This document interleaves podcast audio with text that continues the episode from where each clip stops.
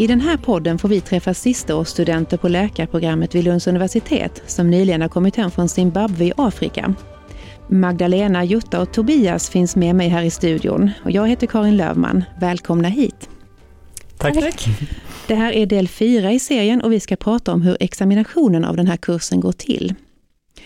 För den avslutas inte med en vanlig tenta, Jutta.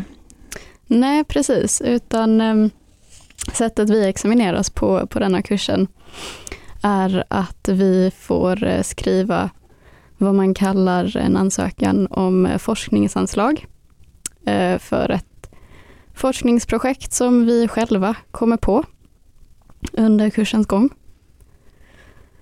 Och sedan så presenterar vi även dessa för alla medstudenter på kursen. Och ni här har jobbat tillsammans med det? Yes. Och hur har ni tänkt då? Vi funderade på eh, onkologi, barnvård inom onkologi och eh, hur man kan, vilka olika eh, utmaningar man har i denna vård i låg och medelinkomstländer och hur man skulle kunna förbättra den. Så skrev vi ett eh, förslag på en förbättring som vi tänker skulle kunna göra skillnad. Och vad är det för förslag Tobias? Jo, eh, vi har ett förslag där man, eh, eller inom, inom onkologi och barnvård eller inom all vård generellt kan man säga, det är väldigt viktigt att ha en idé om vilka patienter som är sjukare än andra. Eh, och det gör man ofta genom att eh, titta på vitalparametrar som vi säger, liksom blodtryck, eh, puls, det kan vara hur snabbt man andas eller vad man har för eh, eh syresättning i blodet.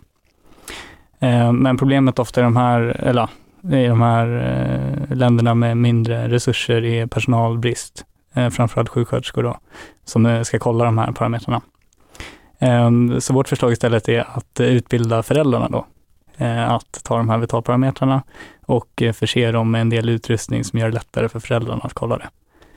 Ehm, och det är något som delvis har gjorts tidigare också, men inte riktigt på samma population. Alltså inte just på barnonkologiska patienter i den här settingen. Då.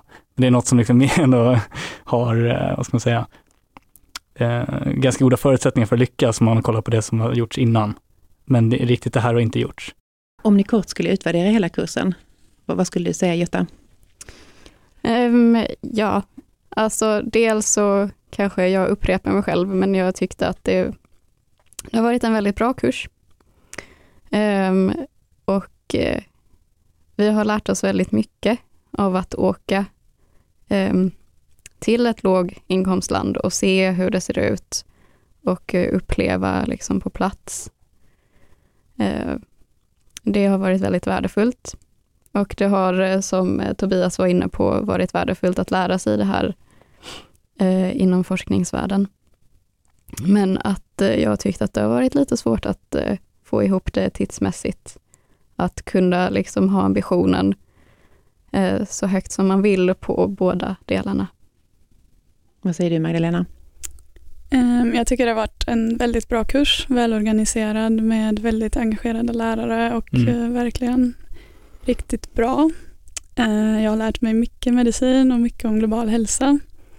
Och för mig personligen kanske det viktigaste som jag tar med mig från den här kursen är komplexiteten i global hälsa och eh, att det kanske inte räcker att jag tycker eller vill att vi ska ha en rättvis värld utan att det är väldigt mycket mer som krävs. Att man måste också kunna och tänka om politik och ekonomi och andra saker som ligger ganska långt ifrån mina intressen men som nog måste bli en del av mina intressen om jag ska kunna påverka på det sättet.